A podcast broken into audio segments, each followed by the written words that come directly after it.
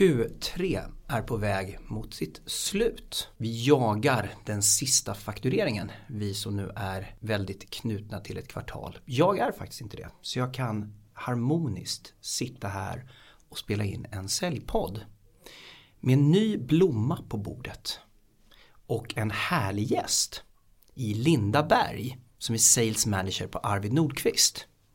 Vi ska prata lite idag om hur det är i FMCG-världen och hur det är att jobba som säljare i den världen, dels generellt men också i spåren av pandemin. Välkommen Linda!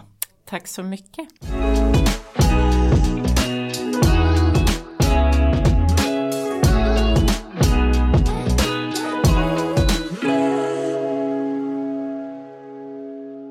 Hur mår du? Jag mår väldigt bra.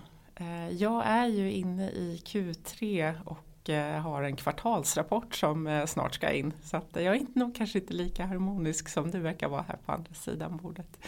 Vågar du erkänna att du har tagit dig tid till att gå och arbeta med utveckling? Ja, det är viktigt. Ja, förhoppningsvis så lyssnar massor av säljare på det här som sen känner att nej men det är ju här jag vill vara med Arvid Nordqvist. Så att det förenklar kanske ditt arbete längre fram. Ja, kanske. Kanske blir någon sugen att, att ta en anställning på Arvid Nordqvist i framtiden. Det får vi hoppas. Bra, det är upp till dig att leverera. Ja, det är, de säger det. Mm. Kan du berätta lite om vem du är? Lite kort så att ja. lyssnarna får reda på det. Ja, men vem är jag? Jag är Linda, eh, jobbar eh, på Arvid Nordqvist eh, på eh, Hem konfektyr som det numera heter. Eh, har varit där i snart sex år. Trivs väldigt bra och har jobbat i stort sett på ett par stycken av Sveriges största FMCG-företag innan dess. Mm. Och jag gillar dagligvaruhandeln så det är väl därför jag kanske har spenderat snart 20 år i, i samma bransch. Det visar sig ju faktiskt att jag har haft en påverkan på din karriär utan ja. att du kan tycka att den är speciellt betydande Nej. eller att vi ens visste om det. Men du fick ju ett jobb på ett företag där jag var en del ja. i att sälja in det uppdraget. Ja. Att vi fick hjälpa till att göra den rekryteringen. Ja, och, och det ska jag nog säga var ganska betydande faktiskt i min eh, karaktär. Eh, karaktär. Ja, det är också kanske i min karriär. Eh, när jag eh, hamnade på ett företag som eh, hette då Wrigley, heter någonting annat idag. Jag är nog ganska duktig på ledarskapet ska jag säga. Jag mm. upptäckte det där. Jag hade en väldigt bra chef.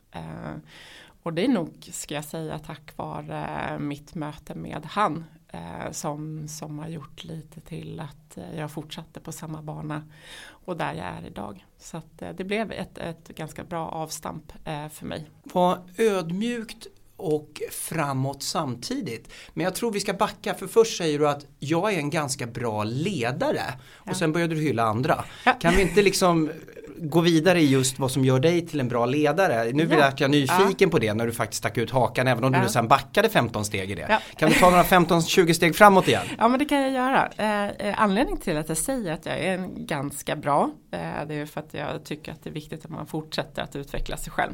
Man får aldrig se sig som att man är liksom färdig som en, en ledare. Eh, jag tycker att jag gör ett, ett bra jobb eh, för att jag eh, tycker att det är viktigt att se de som jobbar i mitt team. Mm. Jag lägger väldigt mycket tid på det. Jag lägger väldigt mycket tid av mig själv eh, på att se att andra utvecklas eh, i sitt arbete. Eh, vissa utvecklas så pass bra att de väljer att, att lämna mig mm. och det är alltid jättetråkigt. Eh, mm. Och, och, vissa har jag möjligheten att, att lyfta vidare i företaget också. Mm. Jag gillar den här synen att det är ju faktiskt så att människor går vidare hur bra man än är, eller snarare kanske tack vare att man faktiskt mm. gör ett bra jobb, går folk vidare och det måste vara en del i, i ledarskapet att göra Verkligen. folk bättre. Hur många har du som du leder idag? Eh, 17 stycken. 17. Nej, nu ska vi säga 17 plus en faktiskt. Så att det är 17 säljare och sen har vi en säljassistent. Ja. Eh, så att 18 stycken är de faktiskt. 18 stycken, ja. härligt. Mm. Och vad är det Arvid Nordqvist säljer? Vilka varumärken finns under er? Ja, det, jag tror att det som eh, de flesta tänker på när vi pratar Arvid Nordqvist är ju kaffe såklart. Mm. Vi har ju vårt rosteri i Sundbyberg mm. eh, som har funnits där under väldigt lång tid. Eh, men jag jobbar faktiskt inte med kaffe utan jag jobbar med tvättmedel, eh, toalettrengöring, konfektyr. Eh, sköljmedel och sen har vi faktiskt både ansiktsvård och hudvård idag som mm. vi jobbar med. Så att, eh, jag är ganska långt ifrån kaffet även om det är i hjärtat i, i företaget. Vad heter varumärkena? Vi jobbar med A+, ja. eh, som är tvättmedel. Eh, Duck som är toalettrengöring. Vi jobbar med Vaselin, mm. eh, hudlotion. Eh, mm. Simpel som är ett eh, hudvårdsmärke för, för ansiktet. Mm. Eh, Mentos tror jag de flesta eh, vet vad det är för någonting, det är konfektyr. Eh, och just nu när vi går in i hösten så eh, säljer vi väldigt mycket VIX eh, för alla som är lite förkylda. Ja, ja. härligt.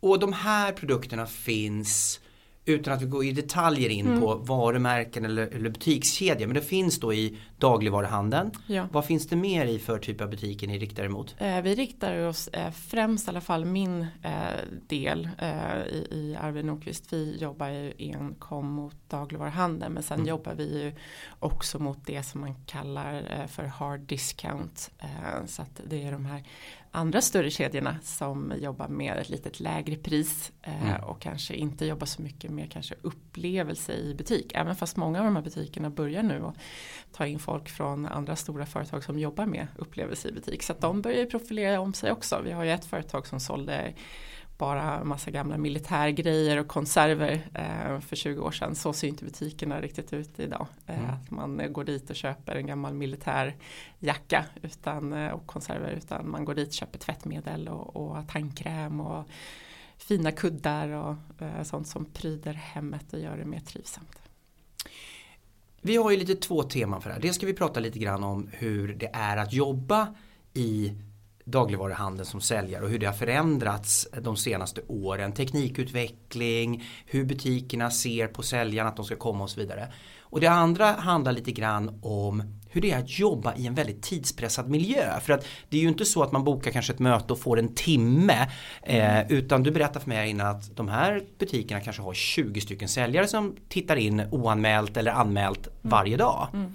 Och det sätter ju helt andra krav. Generellt när vi har haft personer i den här podden så är det väldigt ofta någon som sitter en timme i, komple i en komplex affär och kan grotta i affärsvärlden och värdet bortom produkten och ganska djupt och ganska vi är ganska självgoda hur fantastiska vi är på att skapa värde. Ja.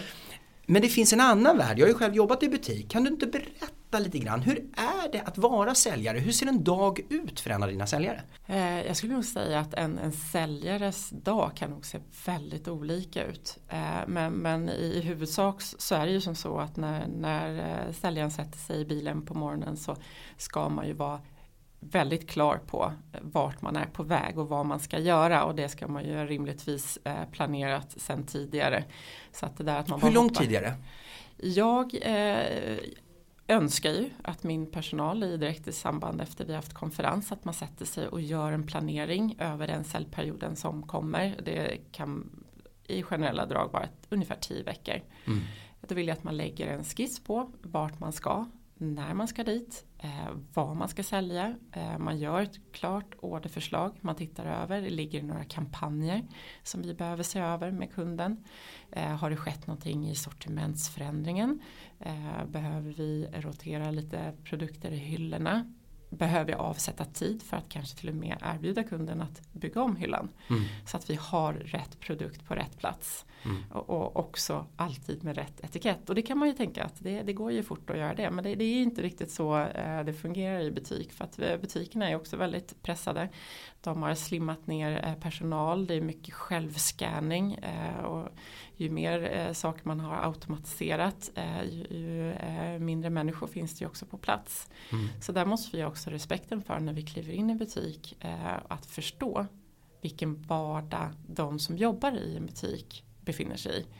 För vi är ju väldigt inriktade på, precis som du nämner, att vi blir väldigt självgoda. Vi har jättefantastiska kampanjer mm. och jättefina eh, produkter. Och om man tycker att man tillför väldigt mycket värde. Men det är inte säkert att den personen du möter har samma upplevelse.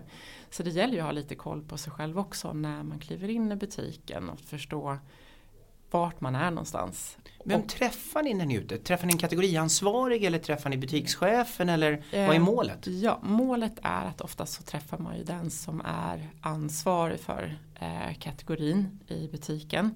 Eh, ibland kan det vara en hyllansvarig om det är en väldigt stor butik. Eh, är det en mindre butik så kan det ju faktiskt vara ägaren själv mm. man träffar. Mm. Eh, och, och, ibland så kan det faktiskt vara eh, hon eller han som sitter i kassan eh, som faktiskt också sköter alla inköp i butiken. Jag förstår att det här är lite hypotetiskt men jag vill ändå Generellt om du ska sälja till någon och skapa värde så måste mm. du förstå vad värdet är för den personen. Precis. Om du är butikschefen så kan man ju tänka, eller ägaren då säga, mm. förlåt, ägaren säger jag i det här fallet. Då kan man ju förstå att det kanske är pengar och, eller upplevelse för kund eller mm. någonting. Det finns säkert olika värden. Men en hyllansvarig utan att, att ranka, om den personen inte, har den personen ekonomisk motivation till att köpa in era produkter? Emellanåt skulle jag nog säga i stora, i stora hela så har ju alla eh, någon form av eh, egen eh, agenda som de driver och ofta så har man ju fått till sig att det här är våra nyckelvärden i den här butiken ja. och, och, det är ju lönsamheten. Mm. Och att man också vill ju ha bra rotation i, i hyllan. Mm. Eh, men vi ska ju också ha klart för oss att man jobbar med människor, man är mm. människa själv. Så att det är alltid den personliga eh, värderingen också som kan väga in. Eh, det kan ju vara allt från att eh, man kanske själv inte eh, är jätteförtjust i tvättmedel med parfym i Nej. och vill bara ha parfymfritt för mm. det tycker man själv är väldigt bra. Men sånt ser man ju ganska ofta också i butik att den som är inköpare värderar ju in sina egna eh, favoriter och, och, preferenser. Men vet ni det när ni kommer ut att nu träffar jag Lisa, hon gillar inte Alltså när vet ja. ni det? Är det efter ett möte eller har ni tagit reda på det på något vis innan eller? Jag är ju en förespråkare av att man behöver bygga relationer med sina kunder. Och, mm. med det menar jag inte att man behöver inte bli eh, liksom the cable guy som blir lite creepy och alldeles för på. Men jag tycker att det är viktigt att man tar reda på, eh, och där är det nog lite så också som jag fungerar i mitt egna ledarskap. Mm. Att ta reda på vad som driver den här människan som jag träffar. Mm. Mm. Och, och, det kan man ju med enkla medel bara ställa en fråga. Ja just det, precis. Det, den typen av ganska snabb jag ska inte kalla det för behovsinventering men, men liksom dialog ute. Ja. Det, det hinner man ha ute mm. förstås. Eh, men man ska vara påställd och påläst och planerad för tio veckor framåt helst. Man ska ha en tanke och en hypotes kring vad de behöver.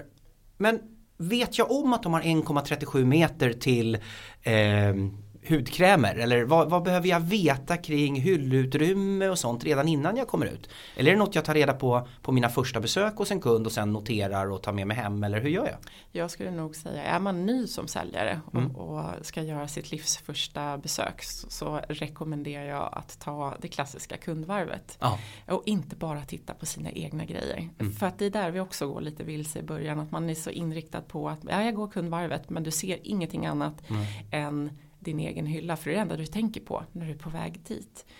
Så jag skulle nog säga gå runt, ta dig tid, var i god tid eh, och avsätt tid för att titta runt. Hur jobbar de på olika avdelningar? Ser det olika ut? Varför ser det olika ut på olika avdelningar? Mm. Varför har konfektyr en massa jättefina exponeringar medan kanske på på toalettpappersavdelningen är det bara strikt i hyllan, ingenting alls. Eh, som egentligen eh, triggar kunden till eh, ett köp mer än bara det som står på deras inköpslista. Vad skulle din slutsats vara om du mötte det, den scenen när du kom ut? Vad skulle du ha för slutsats? Eller vilka slutsatser? Det finns ju flera stycken hypoteser till det kanske. Jag skulle nog säga att det kanske finns, eh, man kan ju ta reda på om det är olika personer som ansvarar för hyllorna. Mm. Eh, för där är också återigen, varför väljer vissa vara mer strikta eh, med sina inköp än andra? Mm. Eh, och, och sen kanske det är som så att vissa kanske inte känner sig motiverade av att eh, göra någonting utöver det som faktiskt krävs av dem i sitt eh, dagliga arbete. Det finns ju de också och det ska man ju ha med sig men i, i överlag så tror jag att en människa vill ju bli inspirerad. Mm. Precis som du vill bli inspirerad när du är konsument och du ska gå och handla din mat till exempel. Jag vet inte hur många gånger man har gått till affären och, och jag ska köpa någonting att äta till ikväll. Och så mm. går man i en, en matvaruaffär och känner fortfarande inte att man inte hittar någonting att äta. Mm. Då är man ju inte inspirerad. Nej. Jag älskar ju butiksmiljön. Jag mm. jobbade från att jag var 15 till jag var 25. Jag drev torghandel i sju år. Jag älskar att åka runt och titta på butiker. Jag gör mm. fortfarande det. Ehm, jag fick eh, under en period fick jag, fick jag uppdrag av den, det bolaget jag jobbar på att åka runt och snatta faktiskt. Mm. För att se hur man hade koll på hur personalen trivdes och så vidare. Ja. För det är lättare att snatta i en butik som eh, personal inte trivdes i för det var ingen som brydde sig riktigt. Nej, jag, jag älskar allting kring det där, en rolig grej. Men jag kommer ihåg när jag jobbade i början av 90-talet, då kom säljarna, jag har aldrig gått på så mycket fotboll. Eh, för jag fick så mycket fotbollsbiljetter eh, gratis på den tiden av säljarna som kom ut. Mm. Det är inte riktigt så det funkar idag. Vad är Nej. de största förändringarna som har skett? Hur arbetar ni idag? Nu har ju ni aldrig jobbat så förstås, det fattar Nej. jag. Men, men om du ändå reflekterar kring vad jag säger att det var väldigt mycket relation bara ja. rakt av på den tiden. Och lite mindre ekonomi faktiskt. Ja. Utan mer kul, vi testar lite, det löser sig nog, ja. nu går vi på fotboll ihop. Hur ser det ut idag? Idag ser det inte riktigt ut så. Eh, det, det, har blivit en helt liksom, annan spelplan vi befinner oss på. Vi, vi har väldigt eh, pålästa och duktiga inköpare i butik ska jag säga. Mm. Eh, de är väldigt duktiga på ekonomi. Mm. De tittar mycket på vad, vad tjänar jag på de här produkterna när jag tar in den. Man tittar också kanske lite på backdata. Finns det en liknande produkt vi har tagit in tidigare från ett annat varumärke kanske. Mm. Ehm, men sen handlar det ju också mycket om hur presenterar du den här produkten för inköparen? Vad ska den tillföra som alla andra kanske produkter inte gör då? Mm. Jag skulle nog säga att jag tror att man behöver jobba väldigt mycket på eh, kanske sitt egna varumärke också parallellt med det varumärke som du, den fysiska produkten som du säljer. För att om inte inköparen till exempel tycker att du verkar vara en trevlig kille eller en tjej mm. så kommer det inte spela någon roll Nej. egentligen hur bra produkt som du kommer med. För att det finns ju, idag har vi också ett helt annat utbud. Mm. Vi har ju, ska du köpa yoghurt så har du 20 sorters yoghurt. Mm. Eh, så såg det kanske inte ut för 10-15 år sedan. Nej. Då var det ganska strikt. Men nu det finns olika smaker, olika krämigheter eh, från olika länder och så vidare. Och sen så mm. kommer tre andra leverantörer med ungefär samma koncept. Mm. Så det gäller ju också att man eh, differentierar sig själv också. Mm vem är du när du säljer in? Är du någon som är, eh, känner man tillit? Mm. Eh, känner man att den här personen eh, är här, kommer tillbaka, tar ansvar för sina införsäljningar. Man trycker inte bara in så som man kanske jobbade eh, om man backar tiden mm. lite så här, man, man säljer en hel pall, en halv pall, så här, mm. dunka in varor liksom och ordermattor. Utan jag tror att vi pratar om ett, ett långsiktigt ett samarbete med mm. butikerna.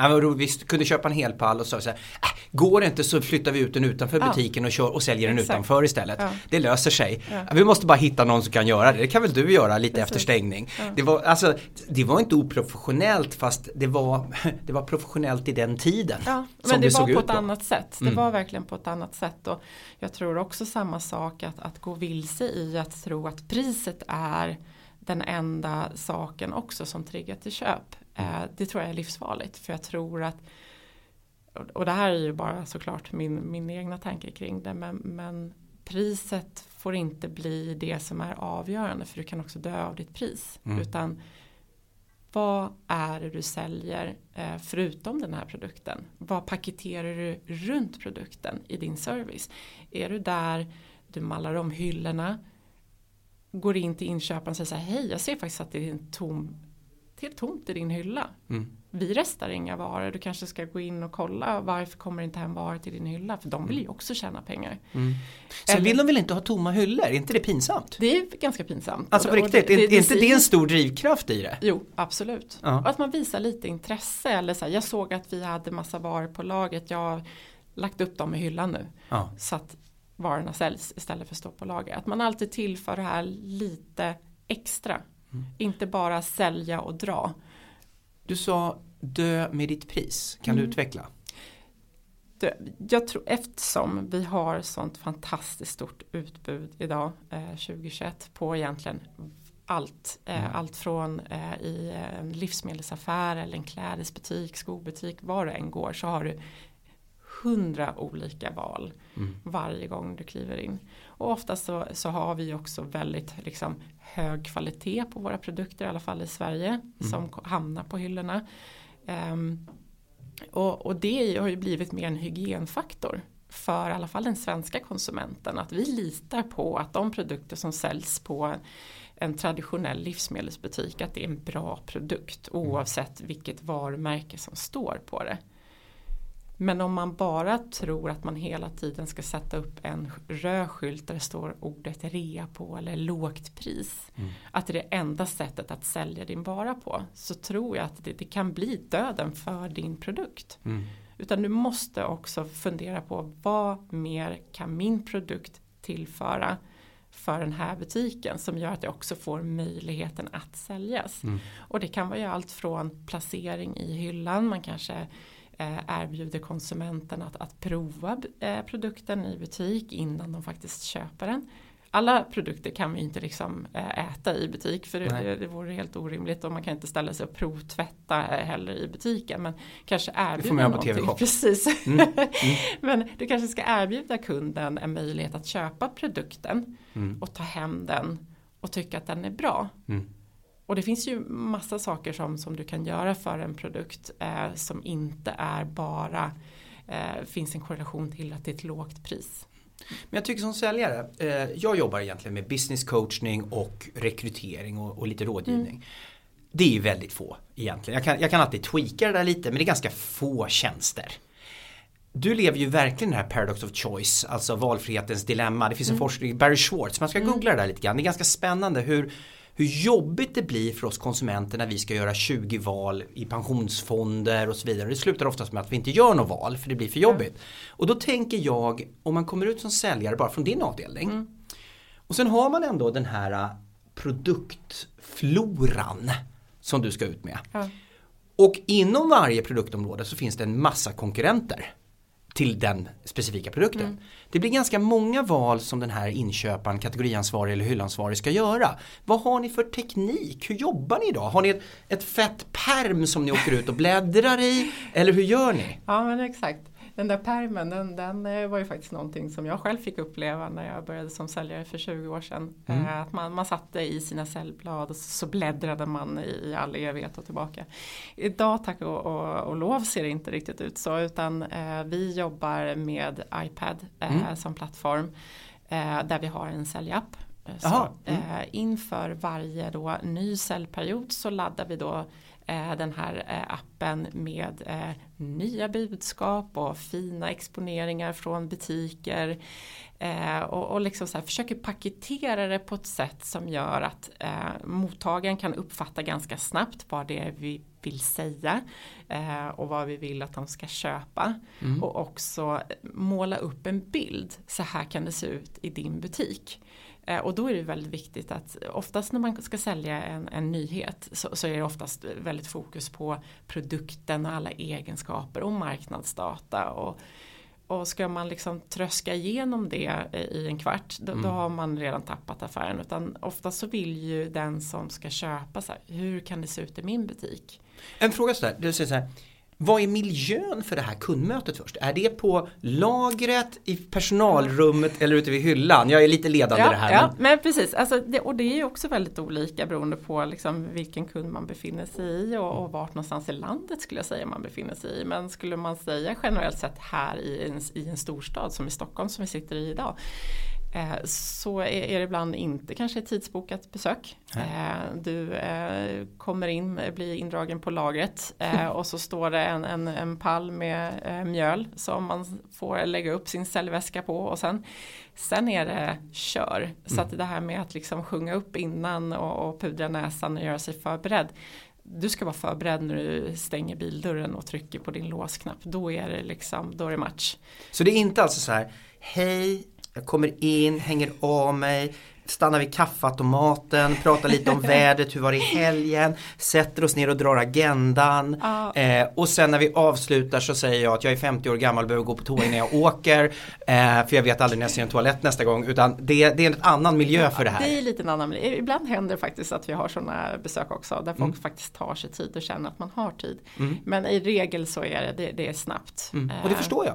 För att man har inte tiden riktigt. Nej. För att det, det, är många som, som vill in. Mm. Många som vill sälja. De har eh, leveranser av varor. De har mm. kunder faktiskt som är i butiken och ska handla. Ja. Eh, och vill ha hjälp. Mm. Eh, så att det, det händer ju saker och ting hela tiden. Mm. Och sen så har vi de större kunderna där man tidsbokar ett besök. Och då kanske du får en, en kvart förr i tiden fick man ju komma in kanske på ett kontor. Uh, så ser det ju inte ut idag eftersom vi lever ju fortfarande i en pandemi. Mm. Så att där försöker man ju också liksom skapa ett utrymme där man kan mötas Mm. uh, och, också hålla ett avstånd. Så då kanske det blir att man går ut, ställer sig vid hyllan till exempel eller håller sig ute på lagret med, med en bra distans. Jag tänkte vi kommer tillbaka till den här säljappen mm. sen för den är jag nyfiken på. Men, men fortsätter på det spåret. Har ni fått ha fysiska kundbesök under hela den här pandemi? Eh, I, I regel så har vi eh, haft det. Ni har haft det. Eh, vi har haft vissa kunder som har sagt eh, nu under den här tiden tar vi inte emot besök. Eh, ring oss gärna. Eh, mejla oss gärna. Det måste vara jättesvårt att jättesvårt. driva den här typen av försäljning på det sättet. Det är jättesvårt och sen så har vi också haft videomöten med vissa kunder som har varit ja. väldigt i framkant. Eh, ja. Så att i våran bransch tror jag också har gjort en liten framflyttning i att det går ju att ha möten på andra sätt också. Även fast man alltid föredrar de, liksom, de fysiska mötena såklart. Men pratar vi Teams eller ja. Zoom-möte Nej, vi har ju kört Teams-möten med vissa ja. kunder som har varit väldigt så eh, framåt. Eh, men sen såklart, de är ganska få skulle jag säga. Men mycket blir ju jaga på telefon, mm. eh, få återkoppling. Mm. För många säger ju ganska lättvindigt så här, men skicka ett mail, ring mig och sen så när man väl gör det så får man liksom ingen återkoppling alls. Nej. Nej. Men vi har haft våran säljkår eh, ute under mm. pandemin. Eh, vi har försökt eh, göra allt vad vi har kunnat från, från företagets sida. Att, att se till att vår personal har tyckt att det har känts okej. Okay. Sen med all respekt för det så, så ska man ju klart för sig att jag tror att det är ingen som har faktiskt tyckt att det har känts okej okay under pandemin.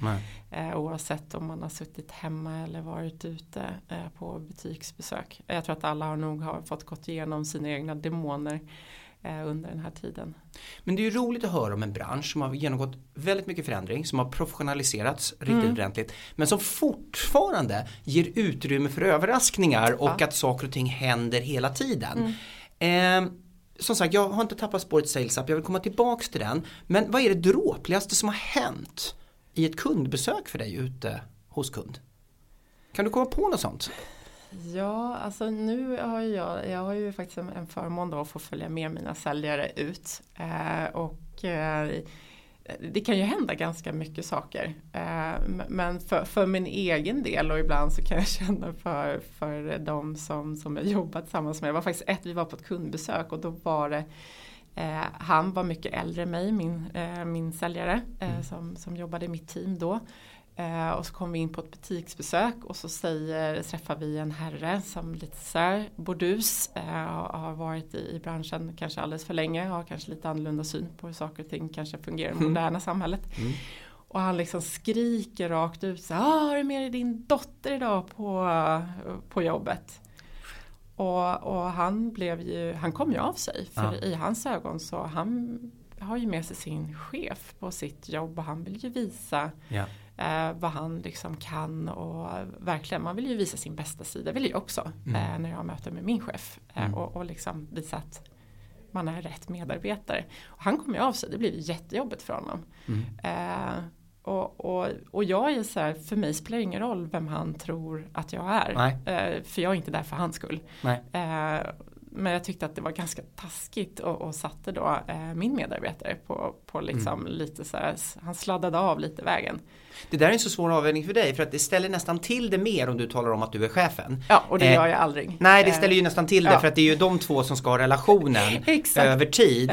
Ja. Eh, och så att skydda den här personen genom att säga att du är chefen det gör man ju, det blir ju inte att skydda. Det blir ju samtidigt som man vill markera men var du tyst eller? Nej jag sa att jag var praoelev. Ja Ja, ju... Och så, så log jag och ja. sen så var det liksom ja. eh, ingenting liksom mer med det. Men sen så sa faktiskt, fick jag höra när vi satte oss i bilen igen för att jag gick runt i butiken och tittade lite medan de pratade med varandra.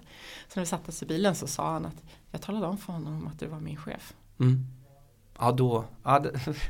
För han sa jag tyckte inte att det där var okej, man säger Nej. inte så. Det var ju faktiskt bra av din Ja, eh, säljare ja, men- också. Det var ju smart. Ja, och, och jag menar för mig spelar det liksom, jag eh, har inte så att jag behöver eh, skrika med hes och tala om för folk vem, vem jag är. Nej. Och jag är inte i butik för att träffa dem i butiken utan jag är ute och, och samreser med min personal. Mm. Eh, och är därför träffar dem på deras arbetsplats eftersom jag inte sitter, träffar dem varje dag. Mm. Eh, så det, det var lite sådär, det var eh, ja, Men jag det tycker det är häftigt, du målar upp en bild faktiskt som jag inte alls har samma insyn i men som jag ändå från sidan har beskådat att branschen professionaliseras väldigt mycket. Inköparna, här tycker jag någonstans i butikerna, de har blivit väldigt mycket proffsigare. Verkligen. Alltså du säger de kan ekonomi, de har ansvar som är ganska tungt, Mm. de har läst på, de har tittat, det heter väl inte space management längre kanske men de har, Ja. de har koll på Mm. de här grejerna i 180. Ni måste planera besöken rigoröst för att få en effektivitet i resandet om inte annat. Absolut. Ni behöver vara pålästa och påställda när ni kliver in i butik och sen pratar vi teknikutvecklingen. Mm. Vem uppdaterar den här appen? Kan säljaren göra det själv? Nej, utan vi har ju då ett samarbete Ja. eh, med ett annat företag som eh, löser det här åt oss. Så Ja. att vi träffas ju då i ett forum där, där jag sitter med tillsammans med eh, våra produktchefer och det företaget då som hanterar appen åt oss. Och där också så har vi ju innan då skickat in material till dem så att de gör skalet. Mm. Och sen i mötet så finputsar vi och justerar och ibland kommer vi på att nej, men det här känns inte bra, det tas bort helt och hållet. Och ibland kommer nya idéer också i de mötena. Mm. Ehm, men det som är så fantastiskt i den här säljappen som, som vi jobbar i nu att vi, vi kan ändra saker från timma till timma. Från timma om, till timma. Om vi Mm. skulle vilja. Mm. Eh, för ibland kan det ju hända att vi helt plötsligt måste ta bort någonting ur, ur våran app. Eh, då behöver vi inte känna att vi ska ringa eh, 18 säljare ute på fältet och be dem rycka alla säljblad utan då kan vi enkelt eh, gå in och välja bort eh, material och be säljarna bara uppdatera sina iPads. Eh, för de är ju hela tiden uppkopplade. Det är lite roligt, vi gjorde ett försök när jag var inom Wise Group 2015 att jobba med paddan eh, Mm. för att ha den i kundmöten. Och själva content-delen, den var verkligen helt okej. Mm. Men någonting vi missade, det var ju hur du klarar av att vara i mötet Ja. samtidigt som du har teknisk utrustning. Det där var vi inte skillade i. Nej. Så att vi var, det, det där lades nog ner lite grann i, i väntan på att vi skulle träna på det där. Hur har ni gjort för att säljaren faktiskt ska klara av att stå med tekniskt verktyg och dema är ett jäkla fult ord men någonstans visa upp era produkter och tjänster och möjligheter samtidigt som de är här och nu i mötet. Exakt, och det är ju en konst. Ja. Eh, för, att, för att det är ett så är alla, eh, vi har ju eh, lite olika ålder på våran säljkår också. Vissa är ju liksom uppfödda med i stort sett en, en, en iPad i handen. Fast det kan ju inte spela någon roll. Min son är också uppfödd med en telefon i handen, inte fan tittar han upp. Nej, nej, Nej. men precis, man måste ju titta upp också. Ja. Det lär man sig nog med Förlåt tiden. eh, kära familjemedlem men eh, ja förlåt. Men det är en mognadsfråga tror jag. Ja, tack. Jag Ja. Eh, men, men det som är att vi har ju byggt en struktur. Mm. Så att eh, oavsett eh, om vi är en säljperiod tre eller fem Mm. så är strukturen i säljappen densamma. Så flödet hur vi har valt att bygga appen. Att vad kommer alltid först. Mm. Och hur ligger varje liksom varumärke i appen. Så att man ska, det ska alltid vara bekant att man vet att så här är gången. Mm. När kommer nyheten, när pratar vi kategorin, vart ligger hela sortimentet och så vidare. Mm, Och vi försöker också tänka att eh, less is more i Mm. en säljapp. För man kan inte, vi vill sälja och, och, och säga massa saker.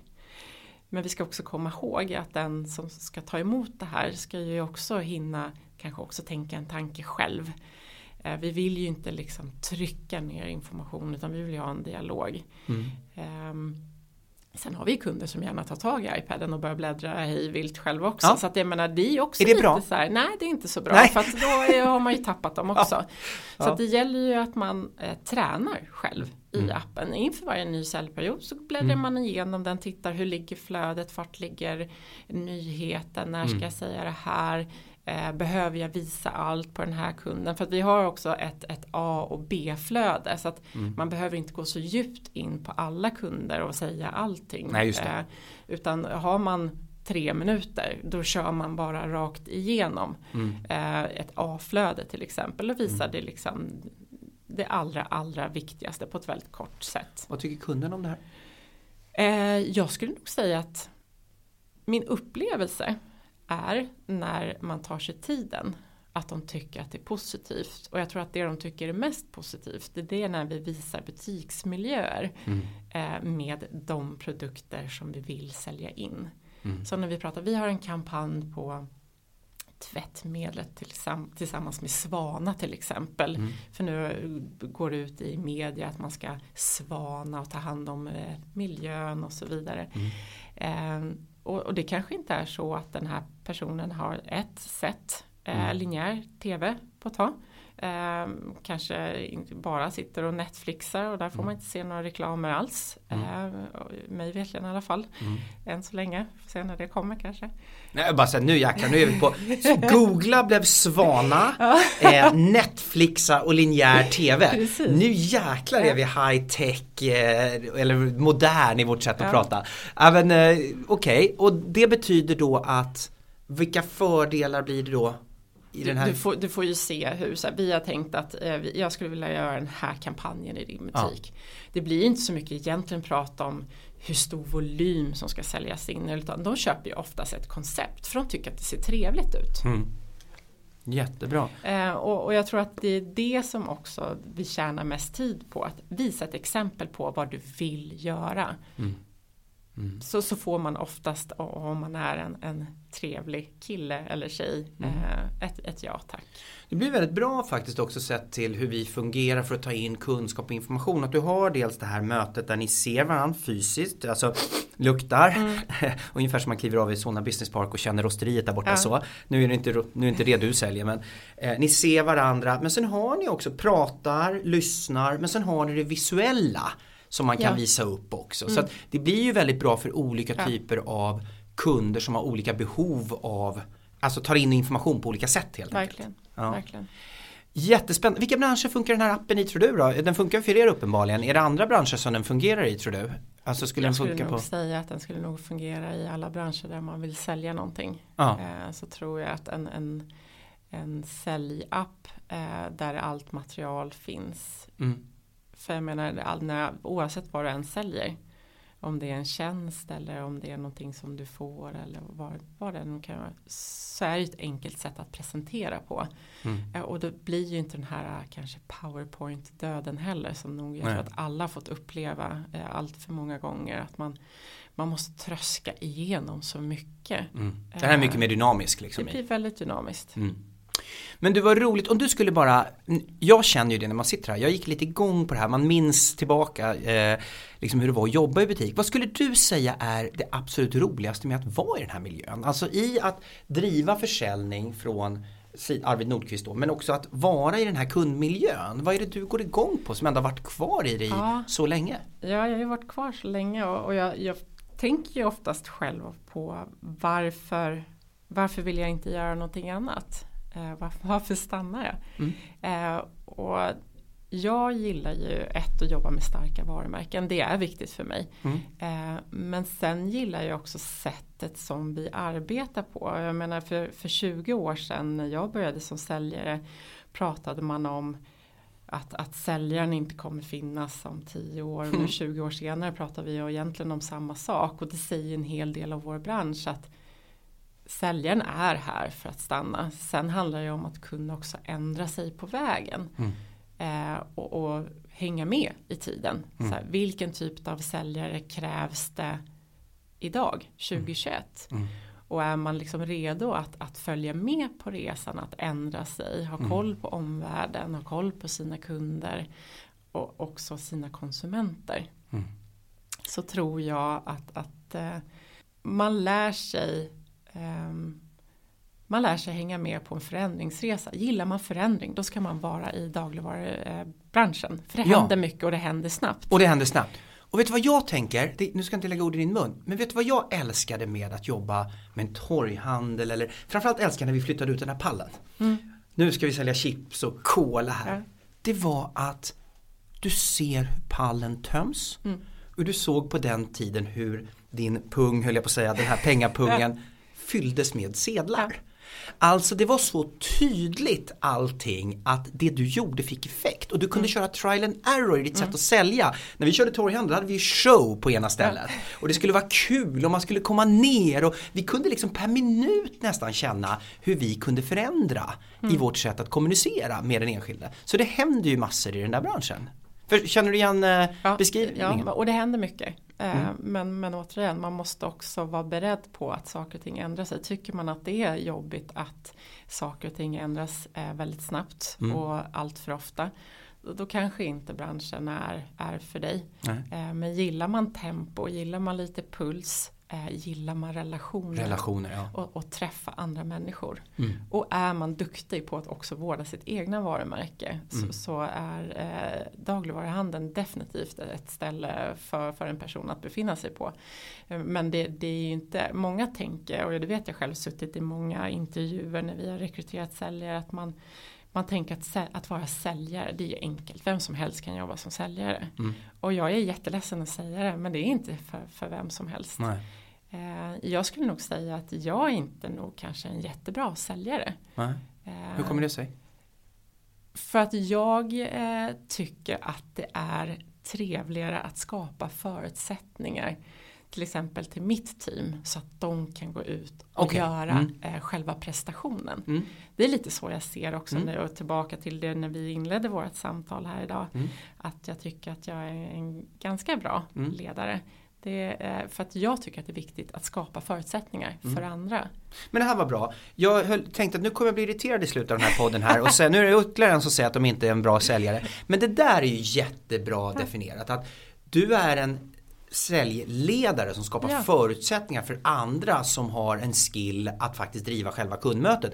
Eh, det var jättebra mm. att du gjorde den distinktionen tycker jag och det är fair enough för att vi har olika roller inom, vi arbetar alla med eller för försäljning. Mm. Din del är att se till att andra flyger och kan göra det jobbet. Absolut och koda ja. av säljarna. Jag är ju förmånen att få träffa väldigt många säljare och sitta med i säljsamtal och sitta i bilen med dem när man eh, bränner runt i, mm. vårt avlånga land. Eh, och man kan sitta i timmar i bilen tillsammans med säljare. Mm. Så får man många insikter och mm. man lär sig väldigt mycket om man är en god lyssnare. Mm. Eh, jag är kanske inte den som ställer mig och, och, och eh, brölar och, och, skriker och trycker fram mig själv.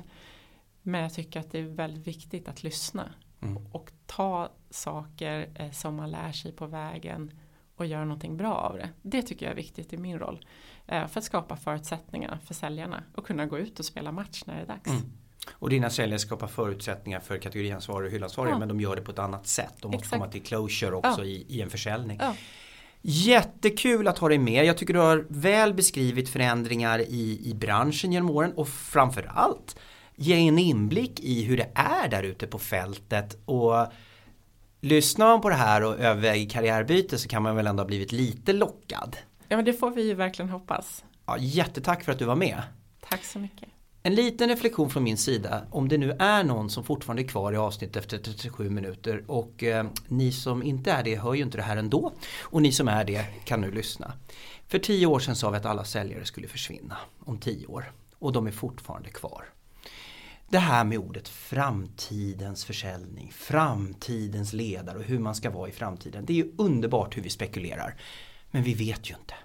Nej. Kom ihåg att vara i nuet. Det är så himla lockande att leva i historien eller leva i framtiden. Men missa inte nuet. Så när ni pratar om försäljning, prata om hur det är nu. Om ni pratar om ledarskap, förändra nu. Eh, för att det är så mycket vi spekulerar i för tio år som inte har hänt speciellt mycket med. Så att det är ju tacksamt för de då som har gjort små förändringar och de som inte radikalt gjorde förändringar kanske i många fall. Håller du med mig? Jag håller med dig. Eh, jag tror att eh, Gör det bara. Ja, just do it. Ja, lite så. De, det var någon där som hade någon, en bra poäng i det. Mm. Men vänta inte. Nej. Vänta Snyggt. Inte. Vänta inte. Eh, tack så hemskt mycket Linda. Ha en underbar vecka. Restriktionerna är släppta. Det betyder alltså inte att ni kan hålla på hur som helst utan ta hand om er fortfarande. Ha det gott. Hej!